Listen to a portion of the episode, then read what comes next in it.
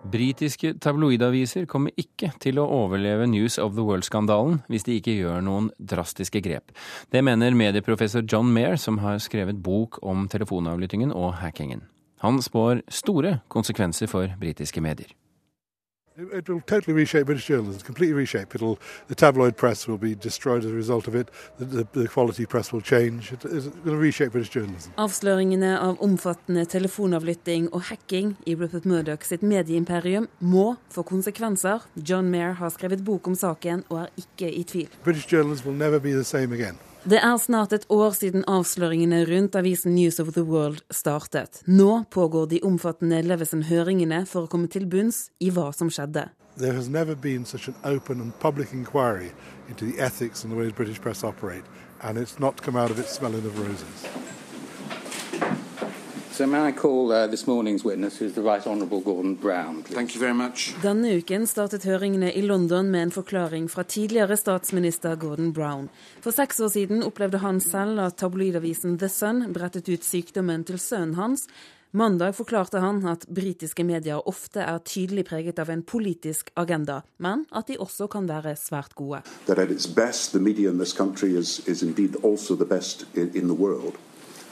And I would defend the right of the media uh, to uh, exercise the freedom, even when there is uh, a, a political uh, bias. Hele denne uken forklarer britiske toppolitikere seg på rekke og rad. I dag snakker visestatsministeren, i morgen statsminister David Cameron. Uten at John Mair forventer å bli så mye klokere av det. David Cameron, A, is a PR man. That's his, that's his, that's his profession. And B, will have been well briefed.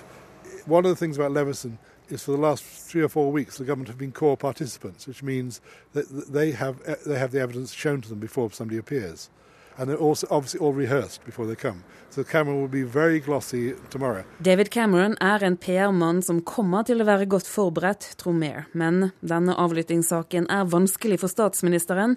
Den tidligere pressesjefen hans, Andy Colson, er siktet for falsk forklaring. Dessuten er Cameron venner med Rebecca Brooks, eks-redaktøren som er siktet for å ha motarbeidet etterforskningen. Og forholdet mellom politikere og presse snakkes det mye om i høringene i London. Og John Mair beskriver forholdet som altfor tett. They're far too close. Editors, editors lunch with politicians, politicians lunch with editors, their friends, and so on. And as result, they, lo- they lose their critical faculties on.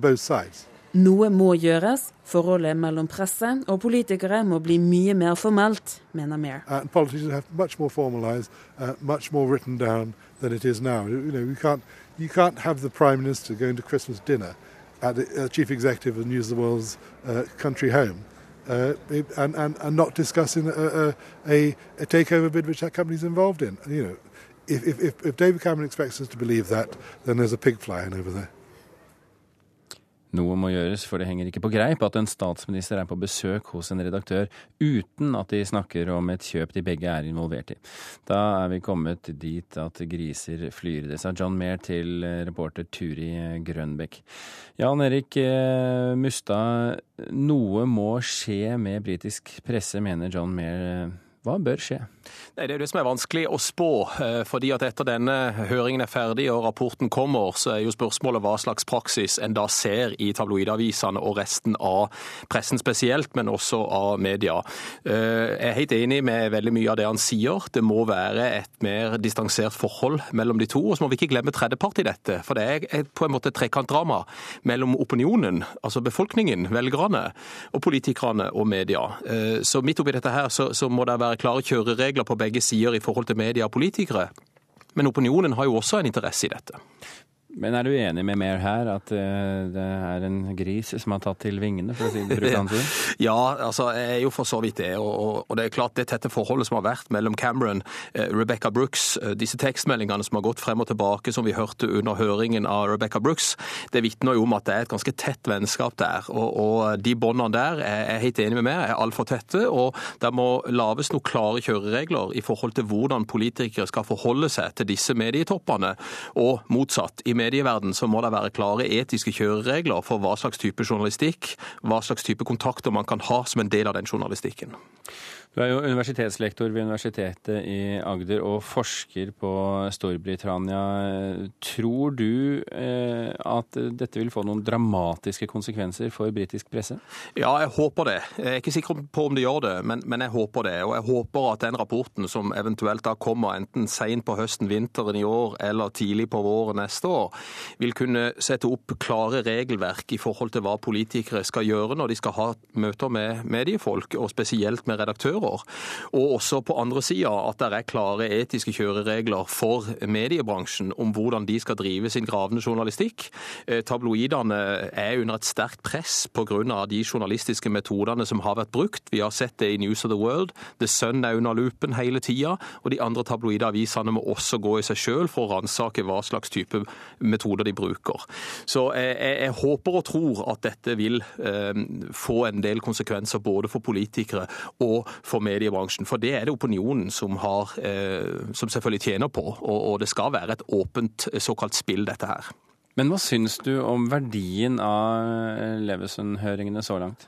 Ehm, dette her er jo et, eh, til en, til en, viss grad et spill for galleriet. For som også vi sier i innslaget her, så er alle de toppolitikerne som kommer, godt brifa på forhånd. De har gått igjennom alle spørsmålene, sånn at de kan være overfladiske og de kan være godt forberedt på de spørsmålene de får, og ikke nødvendigvis gå inn i detalj. Eh, den beste høringen så langt syns jeg var den siste av Rebecca Brooks for ca. en måneds tid siden, hvor det kom fram vesentlig informasjon i forhold til hva slags forhold hun har til David Cameron, statsministeren, og også til finansminister George Osborne. Og, og her vitner det om nære personlige bånd, som selvfølgelig blir blanda med de profesjonelle båndene i hennes eh, jobb som redaktør. Vi hørte Mer si her at han forventer seg en glossy statsminister i morgen. Hva, hva, er vitsen med høringen dersom rutinerte politikere og rutinerte journalister snakker seg rundt de egentlig viktige spørsmålene? Nei, det kan du spørre om. Eh, det er nok eh, det spillet for galleriet og for å signalisere ut i opinionen i befolkningen at dette er en viktig høring. Vi tar inn alle som da eventuelt har noe å bidra med, for å bringe så mye klarhet i dette her som mulig. Så, så det er nok like mye et symbolsk signal til befolkningen om at dette er viktig, som det er viktig den informasjonen de bringer til torgs. For også Tony Blair i forrige uke var jo på sin sedvanlige måte nokså overfladisk og glossy i sine kommentarer. Vi får vente og se hva som skjer i morgen. Jan Erik Mustad, universitetslektor ved Universitetet i Agder, tusen hjertelig takk for at du kunne være med i Kulturnytt.